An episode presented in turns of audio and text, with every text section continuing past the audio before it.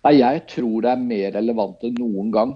Eh, når vi er klar over hvor sårbare vi er som mennesker. Eh, hvor tett døden kommer. For eh, det er jo det det handler om. Koronakrisen gjør at mennesker kan dø ganske brått og brutalt.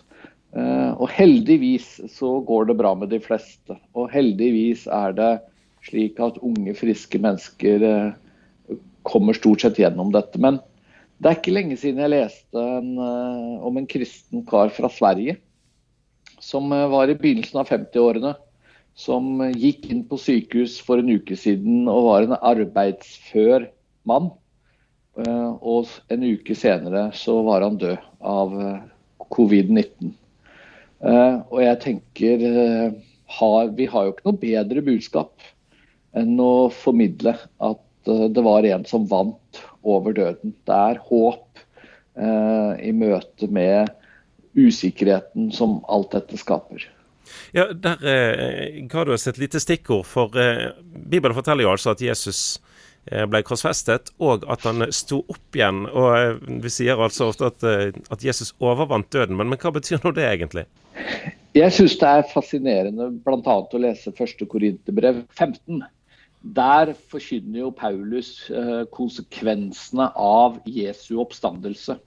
Og han er veldig opptatt av at Jesu oppstandelse var den første oppstandelsen. Eh, og fordi Jesus vant over døden, fordi Jesus ble levende, så har vi et håp, alle vi andre, eh, som kommer til å dø, om at, at vi kan oppleve det samme som Jesus. At vi blir vekt opp igjen og kan fortsette tilværelsen i et evig liv på ny himmel og ny jord.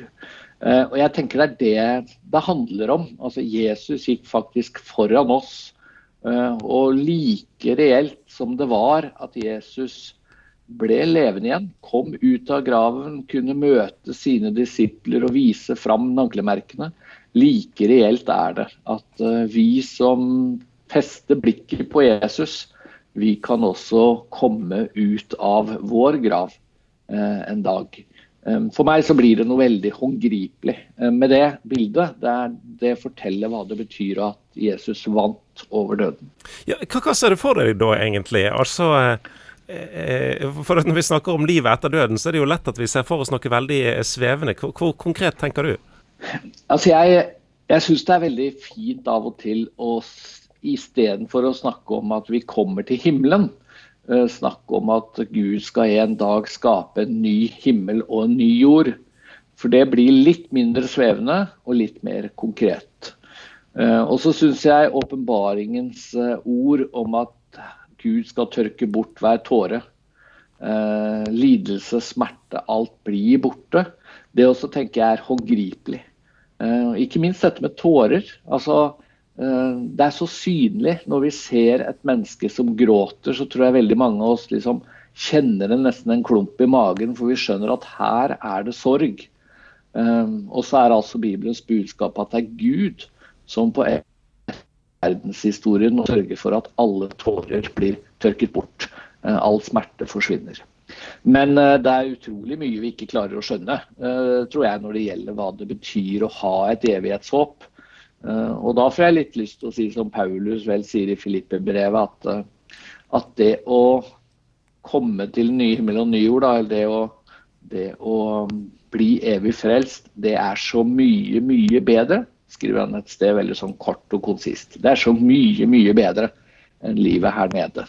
Og, og av og til når jeg, når jeg, føler at tankene mine går i hytt og pine, og det er liksom helt umulig å helt gripe hva det betyr med evighet, så da tenker jeg at ja ja, det blir i hvert fall så mye, mye bedre.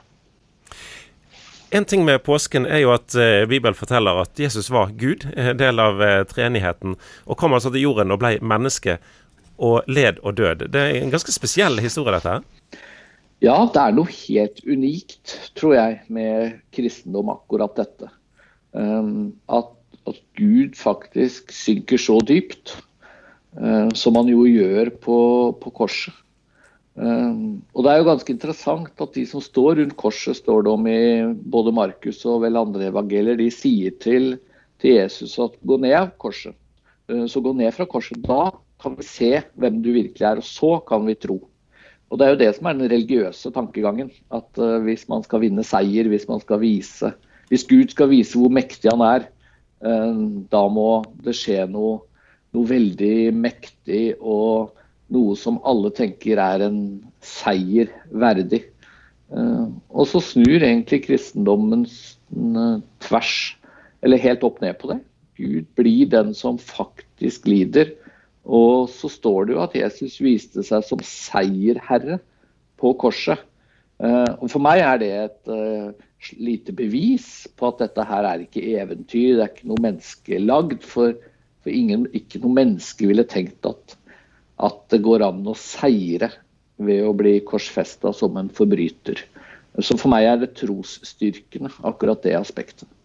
Eh, I Det gamle testamentet, som jo beviselig er skrevet hundrevis av år før eh, eh korsfestelsen skjedde, så står det både i Jesaja kapittel 53 og i Salme 22 bl.a. beskrivelser som tilsynelatende passer jeg kan si, overraskende godt med, med, det som fortelles om Jesus. Hvordan forstår du det?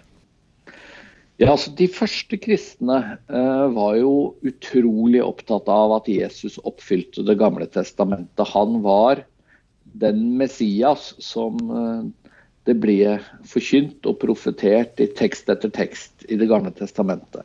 Og Jeg tror kanskje at vi, vi kristne i dag eh, er litt for lite opptatt av eh, hvor trosstyrkende det er med disse profetiene.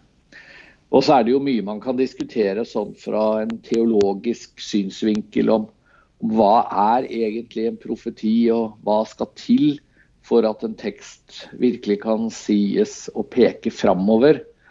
Eh, men jeg er i hvert fall blant de som opplever f.eks. Jesaja 53 som en utrolig sterk tekst. Eh, hvor det står om, om, han som ble mishandlet, han som ble plaget, han som ikke åpnet sin munn. Eh, han som tok skylden vi alle hadde. Det, det var jo et mysterium for jødene før Jesus kom. Hvem, hvem er denne mannen som Jesaja snakker om. Og så kan vi som er kristne tenke at det er jo Jesus. Det er profeti.